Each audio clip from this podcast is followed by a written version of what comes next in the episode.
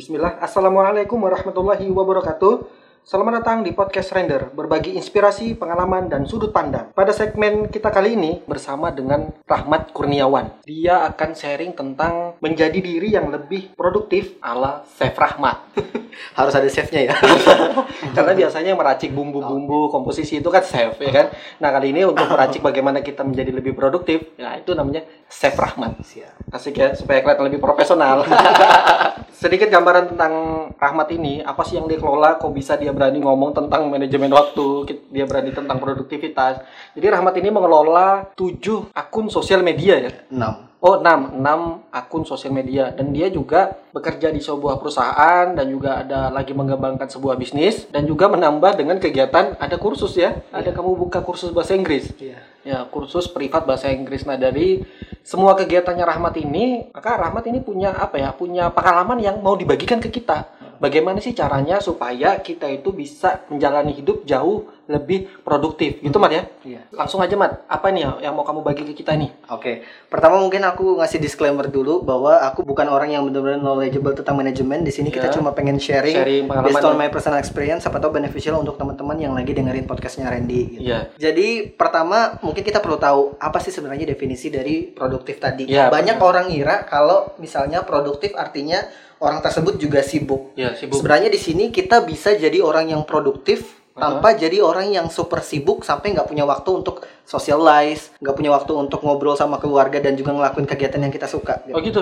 Jadi kalau kita itu apa ya? Kadang-kadang kan kita mikir bahwa, "Ih, orang tuh sibuk banget, pasti dia produktif." Hmm, gitu. bener-bener. Padahal nggak nggak mesti ya, nggak Nggak mesti, mesti. nggak mesti orang yang sibuk itu ter- produktif, nggak mesti juga orang yang produktif itu terli- terlihat selalu sibuk, Betul. gitu ya? Karena gini, di era sekarang banyak Ya. banget orang yang sibuk, tapi kalau dipikir-pikir lagi, ternyata sibuknya itu nggak menghasilkan. Nah, di sini produktif itu berbeda karena produktif itu melakukan segala sesuatu dengan efektif dan juga menghasilkan gitu. Menghasilkan bukan cuma materi aja ya, tapi ada manfaat yang dia dapat. Kalau misalnya orang seharian Mhm. menggunakan sosial media atau main doang seharian, itu juga sibuk. Ya benar. benar. Tapi belum tentu produktif dan juga menghasilkan. Oh, jadi memang apa ya produktif sama sibuk ini beda ya? Beda. Cuma kadang-kadang kita tuh merasa satu hari kita tuh penuh sama kegiatan, tapi ternyata nggak melulu itu tentang produktivitas gitu ya?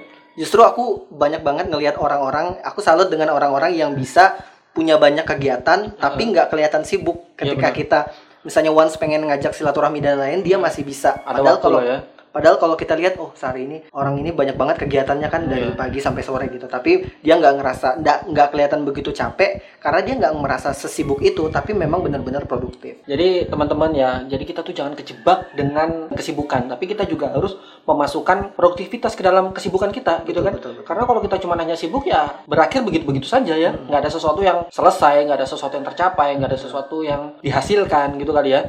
Tadi kan kita udah bicara tentang produktivitas dan perbedaannya dengan kesibukan. Lalu gimana nih yang mau kamu sampaikan atau tips-tips dari kamu tentang meningkatkan produktivitas kita? Kalau dari aku pribadi sendiri, memang cara yang bisa kita lakukan untuk menjadi produktif satu pastinya dengan manajemen waktu yang baik. Manajemen waktu ya.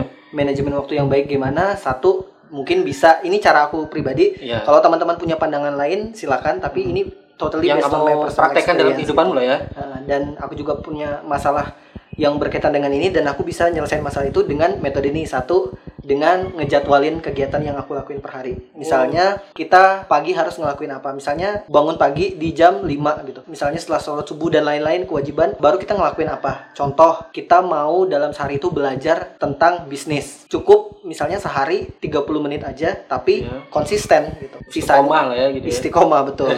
Setelah itu mau santai dulu sebelum mandi pagi juga boleh. Jangan misalnya kita hari Senin gitu. Hari Iya. Senin kita hantam belajar bisnis nonton YouTube sampai 2 jam 3 jam gitu. Heeh. Sampai berangkat kerja telat atau ke mana-mana telat, Heeh. lupa mandi pagi, lupa sholat dan lain-lain gitu. Makanya itu oh, walaupun hal yang kita lakukan itu positif, tapi kalau waktunya itu nggak tepat Iya. atau waktunya berlebihan itu justru bisa jadi merugikan juga. Makanya manajemen waktu kayak aku bilang tadi sangat penting dan juga dijadwal. Selain itu kalau aku pribadi misalnya berangkat kerja itu sudah pasti. Pada Hmm. saat misalnya kerja otomatis kita harus fokus sama pekerjaan kerja. tersebut Benar. dan juga apa yang kita lakuin. Setelah itu baru kita jadwalin lagi. Misalnya boleh sebagai hiburan sesekali ngelihat sosial media gitu kan. Hmm. Dijadwalin mungkin hari Senin 30 menit. Besoknya eh, mau istirahat dulu boleh. Hari. Rabu buka lagi 30 menit. Sehingga sosial media itu nggak jadi kayak suatu kewajiban atau Hmm. pelarian gitu. Tapi memang sosial media itu cuma jadi hiburan sesekali dan kita nggak ketergantungan sama yang namanya sosial media tadi gitu. Jadi memang sosial media ini bisa jadi pengganggu yang cukup berbahaya bagi produktivitas kita ya. Banget banget banget. Kalau kita memang tidak mampu mengelolanya gitu ya.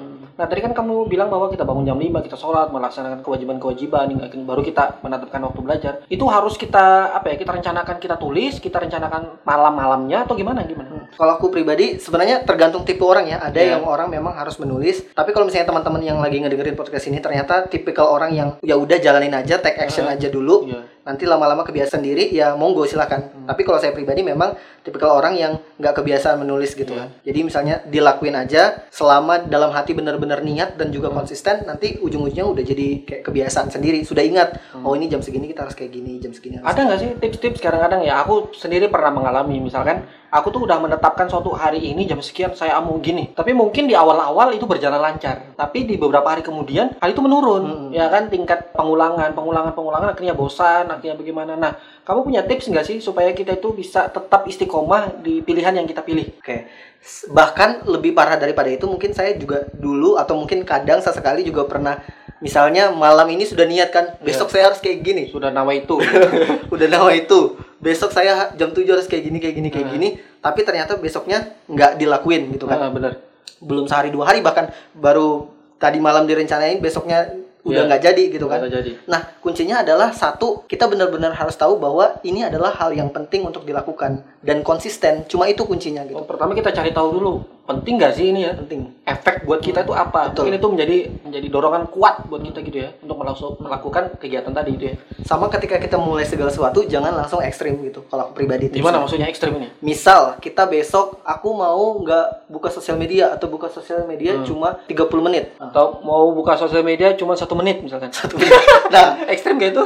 Kalau misalnya terlalu sebelumnya misalnya kayak sampai 3 jam 4 jam terus langsung dipangkas segitunya, Iya. itu justru awal-awal kita semangat tapi tiga hari empat hari udah langsung kehilangan. Hmm. Lebih baik turunin 10 Bertahap menit, ya. 15 menit atau Hmm. kegiatan-kegiatan lain selain sosial media ya. Iya. Kayak misalnya nongkrong dan lain-lain dikurangin misalnya oh yang biasanya Nongkrong dalam malam ya. nongkrong Semalam malam. bisa dua kali. bisa kali kan gitu kan? Eh, jadi dikurangin setahun sekali enggak Itu ekstrim, itu- itu contoh itu ekstrim ya, contoh benar. ekstrim. Tapi bisa kita kurangi secara bertahap, misalnya seminggu sekali, itu Ya. udah wajar banget dan itu udah cukup banget gitu kan. Tapi jangan terlalu ekstrim, langsung dibabat habis. Itu justru suatu saat kita bakal balik lagi gitu, karena kita Oh, kaget. Dorongan untuk kembalinya jadi lebih kuat ya. Jadi lebih kuat, Karena kita kaget posisi kita apa mental kita kaget untuk menerima perubahan yang terlalu ekstrim kan gitu ya. Betul. Berarti memang teman-teman jadi kalau mau memanage waktu hal-hal yang tidak produktif mulai dikurangi tapi jangan terlalu ekstrim, ya kan? Bertahap. Bertahap supaya apa? Supaya kita itu lebih mudah menerimanya dan istiqomah di dalamnya, ya kan? Jadi selain manajemen waktu juga mungkin ini problem yang banyak banget terjadi di masyarakat kita khususnya anak muda gitu ya. Gimana gimana? Karena kita nggak benar-benar tahu sebenarnya talent kita itu apa Ya, dan juga apa gitu. yang harus kita fokuskan. Kita merasa bisa multitasking, kita bisa ini, kita Iya. harus jadi orang yang sempurna, bisa A B C D E F Iya. G. Kita lihat orang lain bisa ini ini, kita juga mau jadi harus kayak bisa. mereka. Kalau dia bisa, kenapa harus kita? kenapa salah, ya. kalau dia bisa, kenapa kita nggak bisa gitu ya? Kita harus bisa juga gitu. Selalu membandingkan seperti itu. Hmm. Padahal itu kadang jadi toxic karena seharusnya kita fokus sama talent dan juga capability that God has given to us gitu kan. Hmm. Apa sih misalnya si A oh jagonya di desain grafis, Ya. fokus ke desain grafis gitu. Ya. Si B jagonya di bisnis, fokus ke bisnis gitu. Daripada melakukan segala sesuatu banyak hal, coba-coba tapi nggak ada satu hal yang difokusin karena dia merasa dia bisa semua, Hmm. ujung-ujungnya nggak berkembang, nggak ada yang fokus gitu. nggak ada yang fokus. Tapi gimana? Tadi kan kamu bilang bahwa masyarakat kita khususnya anak muda kan banyak nggak tahu bakatnya di mana. Hmm. Nah, cari cara mengetahui kita tuh bakatnya di mana tuh gimana? Saya pribadi yakin walaupun misalnya kita nggak bagus dalam satu bidang tersebut, belum tentu kita uh, passionnya bukan di situ kan. Ya. Kadang ada misalnya orang yang nyoba desain grafis misalnya, oh desainnya belum bagus gitu. Ya. Tapi dia passionate dalam bidang itu. Ya. Dia ngerasa dia ada keyakinan dalam dirinya, oh suatu saat ah, desain aku bisa bagus Hmm. gitu. Ya kejar aja gitu. Oh. Bukan berarti kayak misalnya kan banyak orang yang misalnya hobinya nyanyi contoh. Heeh. gitu. Padahal kalau kita dengar Mohon dia maaf. bisa nyanyi, cuman orang lain belum tentu bisa menikmati. Betul. Orang lain bisa berdarah kupingnya gitu. Tapi karena dia suka dengan hal tersebut, ya fokuslah kepada hal yang dia suka gitu kan. Walaupun nggak bagus gitu. ya. Walaupun nggak bagus gitu. Tapi nggak nyiksa diri itu di situ. Justru kalau menurut nyiksa saya orang lain lah ya. Nah, kita sering kali kalau misalnya tidak tahu di mana bakat kita dan tidak percaya dengan bakat kita tadi apakah bisa berkembang atau enggak, kita Ya. cenderung percaya dirinya jadi kurang. Oh. Makanya satu selain juga fokus ke talent kita, kita juga percaya diri bahwa suatu saat bakat tersebutlah yang membawa kita ke dalam eh, sesuatu yang lebih baik. Nggak mesti harus sukses juga gitu kan, tapi Ya. seenggaknya it take it make us to become a better person aja. Kalau dari pengalaman yang aku tahu ya, Hmm, bagaimana sih teman-teman ini kok tahu bakatnya ada di mana?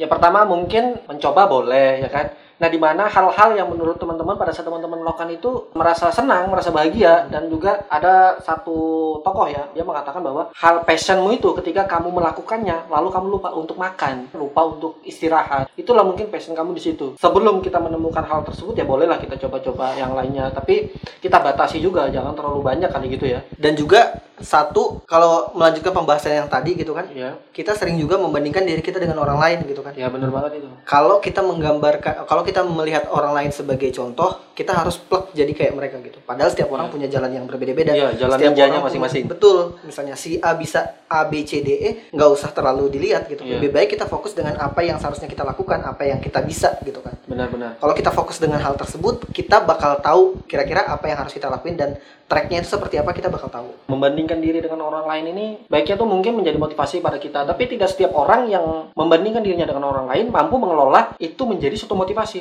Bisa juga jadi suatu yang apa ya, menjadi kesedihan, sedih karena orang lain sudah banyak melakukan pencapaian sedangkan kita seolah-olah diam di tempat gitu ya. Itu juga menghambat produktivitas kita ya. Betul betul. Tergantung dari ma- bagaimana kita melihat gitu kan. Betul. bisa juga betul kata Randy tadi bisa dijadikan motivasi tapi jangan sampai hal-hal itu justru jadi kayak dorongan ke Arah diri negatif. kita gitu bahwa oh kita nggak sebaik dia jadi kita nggak mampu gitu Iya. kita nggak capable untuk melakukan segala sesuatu karena kita nggak bisa Ya, sebagus dia Akhirnya kita merasa kita nggak pantas gitu betul ya. sedangkan ketika orang lain membandingkan diri kita dengan orang lain aja kita marah gitu kan misalnya orang tua membandingkan kita dengan anak orang lain itu Iya. sering ter- sering terjadi gitu kan Dengan kita anak marah ya kan tuh kucing Dengan tidur aja kayak kamu gitu. sering dibandingin kayak gitu nggak enak banget kan Iya. dan kita nggak suka gitu Iya. tapi secara nggak sadar kita membandingkan diri kita dengan orang lain Iya, apalagi yang sering terjadi apa ya di grup reunian kali ya. Yang awalnya kita sekolah sama-sama, tapi sekarang ya udah begini, udah begitu. Akhirnya kita jadi kepikiran sendiri, jadi akhirnya mental kita drop sendiri, fokus-fokus kita hilang. fokus kita yang harusnya kita pakai untuk ngelakuin hal yang membuat kita jadi lebih baik jadi berubah fokus ke orang lain yang nggak ada Iya. pengaruhnya sama kita Betul. Karena memang kemampuan kinerja otak kita ini kan punya kapasitas ya. dan beda-beda tiap orang Iya, punya kapasitas dan kalau kapasitas itu ah, ibaratkanlah sebuah mangkok gitu ya, mangkok kapasitas dari otak kita. Nah, kalau kita isi mangkok itu dengan kehidupan orang lain, maka kita kehilangan space untuk memikirkan diri kita sendiri, ya kan? betul Jadi akhirnya produktivitas kita kecil. kalau menurut aku lagi itu kesehatan juga penting banget Ren karena aku pengalaman pribadi sendiri pernah momen di mana hustling banget gitu kan Hmm. sok sibuk gitu kan Iya. padahal mungkin belum terlalu produktif juga gitu kan tapi karena sok sibuk tadi terus pengen ngelakuin segala hal pengen nyoba banyak hal jadi lupa sama yang namanya kesehatan padahal kesehatan tuh di atas segalanya poin-poin Iya. tadi nggak ada gunanya kalau kita nggak sehat baik secara fisik maupun secara mental gitu. secara Iya. fisik kayak gimana kalau misalnya kita terlalu banyak memforsir diri kita kita nggak tahu Sampai tengah malam gitu sampai ya. tengah malam karena kita berharap oh sampai tengah malam kerja besok sukses Iya.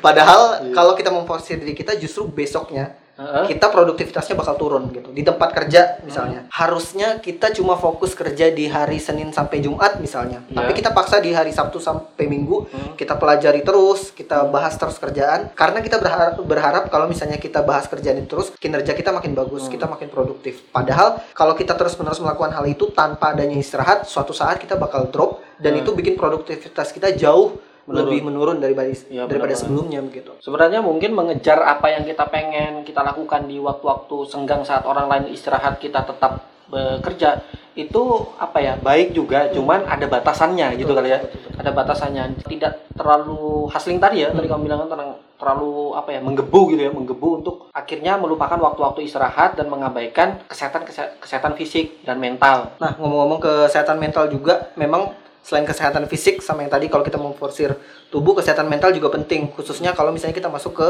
dunia kerja gitu kan pasti kita bakal banyak banget ketemu orang yang punya prinsip berbeda dengan kita Iya, orang-orang lain gitu ya. orang-orang lain khususnya anak muda ketika pertama kali masuk dunia kerja ketika misalnya ketemu sama orang yang lebih senior Iya. ditegur sedikit kita sering kali merasa Baper. sensitif karena kita overthinking kalau kita ditegur kita langsung bilang oh jangan-jangan kerja kita jelek banget ya Iya. oh jangan-jangan dia nggak suka sama kita ya padahal simpel aja kalau misalnya ditegur karena ada sesuatu yang perlu kita perbaiki itu aja Iya. gitu jangan sampai buat itu jadi beban juga di mental kita sampai kita jadi orang yang nggak nggak produktif gitu Oh berarti apa ya? Ya jangan terlalu banyak overthinking lah ya. Jadi ketika ada sesuatu batasi aja. Sebenarnya itu nggak nggak se nggak serumit atau separah yang kita bayangkan di dalam otak kita sendiri ya. Karena itu sederhana aja. Nggak akhirnya tidak membebani pikiran kita Betul. dan tetap menjadikan kita lebih produktif. ini pendapat aku pribadi justru kesehatan mental sama pentingnya sama kesehatan fisik karena kalau misalnya kesehatan mental gini ketika kita secara mental kurang sehat nggak semua orang aware sama hal tersebut Mm. sampai benar-benar kita drop banget gitu Iya. hal-hal kecil sebenarnya berpengaruh sama kesehatan mental misalnya kita kerja gitu kan dikasih satu pekerjaan atau satu job desk Iya. padahal job desknya tuh nggak terlalu banyak gitu tapi kita ngerasa kayak karena kita terlalu overthinking kayak ah, aku dikasih pekerjaan terus gitu. Aku dikasih pekerjaan yang di luar kemampuanku. Kita terus ngasih afirmasi negatif ke diri sendiri. Ujung-ujungnya itu jadi seakan-akan menjadi kenyataan gitu. Dan kita merasa oh pekerjaan segini ini terlalu banyak buat kita gitu. Pekerjaan ini bikin aku nggak bisa ngelakuin apa-apa. Padahal kalau dia stop berpikir stop overthinking dilakuin aja selesai nggak selesai yang penting dikerjain itu justru jauh lebih baik. Gitu ya. Jadi ya stop lah. Terlalu banyak overthinking gitu ya. buang-buang waktu banget. Buang-buang waktu overthinking. Kesehatan kan ya pastilah kalau kesehatan gimana sih? Kita mau berangkat kerja kalau kita tuh sakit ya kan. Berarti menyiapkan waktu juga untuk olahraga ya. benar-benar Me- memanage waktu, mempersiapkan waktu selain istirahat juga ada yang namanya olahraga. Nah ya kan? ini salah satu tantangan juga mungkin buat Iya. saya dan buat banyak orang untuk gimana bisa sambil berolahraga. Memang beberapa hari ini juga sering lari juga sama teman. lari dari Karena udah kenyataan. ngerasa, udah ngerasa kuat, obesitas juga ya. Sebenarnya aku sih termasuk orang yang apa ya kurang memperhatikan olahraga dulunya hingga akhirnya aku merasa sadar bahwa semakin ke sini kayaknya kita semakin perlu fisik yang prima ya kan. Betul betul. Nah kalau dikit-dikit sakit, dikit-dikit sakit ya bagaimana mau produktif ya kan? Terus yang paling penting lainnya adalah kita perlu namanya setting boundaries. Setting boundaries apa? Kita ngasih batasan diri kita dan juga dengan orang lain. Ini sering banget aku yakin orang-orang yang dengerin podcastnya Randy juga banyak banget ngalamin gitu. Gimana kita itu? sulit untuk setting boundaries, kasih batasan bahwa ini adalah hal yang pengen kita lakukan dan ini adalah hal yang tidak pengen kita lakukan. Contoh, Oh, gitu. contoh gimana? misal kita pada saat itu ngerasa kita nggak lagi nggak mau nongkrong gitu kan. Terus teman kita atau teman dekat kita ngajakin Nongkrong. eh nongkrong Nongkrong dong, Ngajakin cukup banget loh. cukup banget loh Asik. nggak asik banget loh gitu. Iya. jadi kita mengubah batasan kita mengubah boundaries kita tadi ya udah deh sekali aja Hmm. kita nongkrong gitu padahal aja, sampai pagi. sekali sekali aja. Besok nanti hari Selasa sekali aja. Rabu sekali aja. Sampai berulang lagi. Ya kan Nah, sekali per hari tadi ya. iya. Sekali aja per hari. diulang-ulang terus gitu. Karena kita nggak ngasih batasan. Seharusnya kalau dari awal kita ngasih batasan bahwa ini adalah hal yang mau aku lakuin Dan ini hal yang nggak mau aku lakuin gitu kita nggak bisa menyenangkan semua orang gitu dan juga kita nggak perlu takut dianggap nggak asik gitu misalnya kita punya teman gitu si Iya. A berteman sama si B si B ini selalu ngajak si A untuk nongkrong dan lain-lain gitu walaupun misalnya secara keseharian si B baik aja sama si A Iya. gitu kan tapi si A ngerasa dia lagi nggak mau nongkrong dan ada hal lain yang lebih penting untuk dilakukan. Iya. That's why Selain dia sebenarnya pengen banget tolak ajakan dari si B. Mm-mm. Tapi si B terus menerus ngajakin dan Iya. si A terus menerus nggak enak. ngancam gitu. Betul. Sampai terjadi Sampai keluarganya diancam gitu. ancaman pembunuhan dan itu udah bahaya gitu. Terlalu jauh sih Pak. Jadi seharusnya si A berusaha memang ini berat tapi memang harus dilakukan si A dari awal bilang gitu bahwa this is my boundaries and this is something that you can come across gitu bahwa aku nggak takut kamu anggap nggak asik gitu kalau memang Tapi kamu itu ekstrim banget ya kita nyampaikan. walaupun nggak nggak secara langsung ya Iya. maksudnya kamu harus Itu bilang diri pemikiran- aku nggak takut ya pemikiran dalam diri sendiri Hmm. aku nggak takut nggak dianggap nggak asik gitu kalau memang ternyata nongkrong setiap hari adalah cara aku Cara kamu untuk dibilang asik, gitu lebih baik aku nggak usah dibilang asik Iya. simple Bilang asoy aja. tegas. anjay anjay tapi kita harus setting itu dari awal gitu. terus juga banyak penyebabnya adalah kita takut sama yang namanya ngobrol langsung takut Gimana? konfrontasi gitu Ah. misalnya kita diajak orang untuk nongkrong Orang atau dia diajak dikenal ini. dikenal. Oh, dikenal. Ini masih si B sama si A. Oh, masih si B dan si A. Si B si A ngajak Berlanjut ya. tapi si A ini bukan tipikal orang yang kayak Suka. mau ngejelasin gitu. Hmm. Dia takut konfrontasi itu ngobrol langsung ke orangnya gitu. Takut menjelaskan dia adalah tipikal orang yang cenderung lari kalau misalnya ada masalah yang dia nggak suka. Jadi si A harus memang benar-benar mengubah dirinya menjadi orang yang berani konfrontasi, berani menjelaskan dari awal gitu. Oh, Kadang kan kita gini, misalnya saya pribadi gitu punya pengalaman gitu kan. Si saya punya teman gitu. iya. Sebut Ini nggak saja. ya. Sebut saja Mawar. Iya. Si Mawar ini udah Mawardi ya? udah lama udah lama nggak ketemu gitu kan. Ah, Berapa tahun kira-kira? Kira-kira 35 tahun.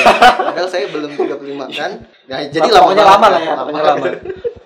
Nah, ketika diajak misalnya ketemu gitu, tapi kita Iya. ngerasa nggak pengen ketemu karena ada kegiatan lain yang perlu kita lakukan yang lebih prioritas dari itu. Mm-mm. Terus karena kita nggak enakan aja sama dia, kita jadi bilang, oh ya udah iya atau Iya. enggak, oh nanti aku kabarin ya. Padahal dia sebenarnya sangat-sangat gak mau gitu kan, karena memang banyak yang dikerjain dilakukan, hal-hal yang ya. lain gitu kan. Iya. Ujung-ujungnya hubungan si A sama si B jauh lebih nggak enak karena si A dari awal nggak berani konfront. Nggak jujur. Misalnya Hamin satu Iya. karena sudah deadline gitu kan Iya. mau ketemu baru oh deadline." maaf ya aku nggak bisa aku lagi gini gini gini gini Hmm. itu justru nggak baik buat dua-duanya gitu lima menit sebelum dia janjiannya dimulai dia malah atau pas bilang OTW ternyata oh salah aku OTW-nya ke Samarinda bukan ke Oh. tempatmu nah itu kan justru jadi masalah gitu kan Iya. kalau kita nggak konfront dari awal akhirnya kalau kita nggak jujur dari awal malah kita dengan sahabat kita itu jadi adanya gap ya? Adanya gap. Tapi kalau misalnya aku yakin sih maksudnya kalau orang normal ya kita berteman sama orang normal ya. Kalau kita jelasin batasan kita dari awal kita jelasin alasan kita kenapa kita nggak bisa atau ada something yang lebih urgent yang harus kita lakuin aku rasa dia harusnya ngerti toh kalau misal pun dia tidak mengerti berarti itu alert buat kita betul betul apa namanya peringatan buat kita bahwa ini memang apa ya teman yang maunya enak aja nggak mau mengerti apa yang kita sedang lakukan sedang kita rasakan gitu ya Iya. Kalau aku pribadi juga ya Ren ya. Kalau makin ke sini justru circle pertemanan itu juga jadi lebih kecil dan aku juga nggak berharap punya pertemanan yang lebih besar. Berteman berteman, tapi Iya. maksud- maksudnya yang benar-benar menghabiskan waktu banyak bersamanya Hmm. gitu ya maksudnya yang benar-benar aku iya ngabisin waktu bareng-bareng yang betul-betul dekat, yang Hmm. betul-betul circle utama itu sedikit aja dan bukan berarti kayak aku menutup diri ke orang-orang tapi memang pasti se- semakin bertambahnya umur kita juga tahu bahwa kita nggak Oh, bisa cocok dengan semua orang gitu Ya. cukup berteman tapi hmm, kita nggak bisa spending time banyak banget sama mereka karena apa ya kalau kita terus menghabiskan banyak waktu dengan banyak orang hingga akhirnya kita lupa untuk menghabiskan banyak waktu dengan kita sendiri gitu Betul, ya. betul. Akhirnya hal-hal yang ingin kita capai terbengkalai mimpi-mimpi kita tidak terlaksana kali gitu ya. Akhirnya ya hari-hari kita penuh dengan kesibukan yang tidak produktif. Terus juga untuk menyimpulkan yang tadi sebenarnya ini yang paling penting adalah apa itu? kita punya goals atau tujuan hidup gitu. Oh gitu. Tujuan hidup yang kita pengen capai baik itu untuk short term maupun long termnya gitu. Jangka pendek dan juga jangka panjang. Misal dalam tiga tahun aku pengen ini ini aku pengen achieve ini ini. Dengan punya tujuan hidup itu kita bisa tahu track mana yang tepat dan juga step-step apa yang bisa Harus kita dilakukan. lakuin kalau kita nggak punya tujuan sama sekali kita pasti bakal bertanya-tanya buat apa sih aku kayak gini tiap hari? gitu. Iya. sama kayak misalnya orang uh, pengen masuk surga simple gitu kan. Pengen masuk surga. Kalau misalnya dia nggak ada tujuan surganya pasti dia kadang bertanya-tanya "Tuh, ngapain sih aku tiap hari kayak gini? Tapi karena ada sesuatu yang memang Iya. tujuan akhirnya gitu ya. dan dia tahu itu adalah hal yang wajib dilakukan bagaimana makanya step-stepnya betul makanya dia akan konsisten di jalurnya. Makanya memang penting banget untuk punya tujuan hidup supaya kita bisa konsisten dan juga tetap ada di track yang benar gitu. Untuk ngelakuin hal-hal yang tadi yang kayak aku bilang ada manajemen waktu terus juga bagaimana kita tahu talent kita apa dan ngembangin talent tersebut terus juga memperhatikan segala sesuatu pendukungnya seperti kesehatan dan juga punya boundaries tadi gitu punya batasan tadi ya. Punya batasan tadi. Punya batasan dalam berteman. Dalam artian menghabiskan banyak waktu dengan teman tersebut. Hmm. tapi kalau berteman ya kita banyak berteman dengan siapa saja. Cuman memang kita harus memilih pada siapa kita banyak menghabiskan waktunya kali gitu ya. Betul. Agama seseorang itu tergantung dari agama teman baiknya. Hmm. nah jadi dari situ aja menjelaskan bahwa kita itu terpengaruh sangat-sangat terpengaruh dengan lingkungan terdekat kita. Hmm. ya kan? Menganalogikan pertemanan itu seperti jika kita berteman dengan pandai besi ya minimal kita kena bau sengit dari bakaran besinya Hmm. ya kan? Walaupun kita tidak terjun langsung ke situ. Dan jika kita berteman dengan tukang parfum minimal kita kena bau harumnya. Begitulah ketika kita berteman dengan orang yang tidak tepat atau teman yang negatif ya sedikit banyaknya kita akan terpengaruh juga dengan hal-hal yang negatif Begitu pula dengan kita banyak menghabiskan waktu dengan orang-orang yang positif. Hmm. Sedikit sedikit banyaknya kita juga akan terkena hal-hal yang positif. Jadi menyimpulkan kembali gitu ya kesukses. Aku pribadi bukan bilang kayak aku sudah sukses dan segala Ya, macam gitu kita kan. We're, uh, we're still in the process and I hope everyone that listen listen to this podcast juga could get benefit from this podcast gitu kan. Be productive instead of being busy gitu kan. Jadi Hmm. orang yang produktif dibanding orang yang sibuk gitu dan tahu bahwa hampir 100% hampir 100% tapi nggak sampai 100% pastinya ada hal-hal lain. Kesuksesan ini didapat ketika kita betul-betul produktif dan juga tahu cara-cara efektif yang bisa kita lakukan gitu. Tanpa terlalu capek untuk menjalani hidup tapi kita tetap ada di track yang tepat Ya, jadi begitu teman-teman ya, tips menjadi diri yang lebih produktif ala Chef Rahmat. Bagi teman-teman yang punya pertanyaan, nanti boleh ditaruh di kolom komentar di Instagram saya, linknya nanti ada di bio, saya cantumkan. Mungkin sekian dulu podcast kita kali ini, sampai bertemu di podcast selanjutnya. Wassalam.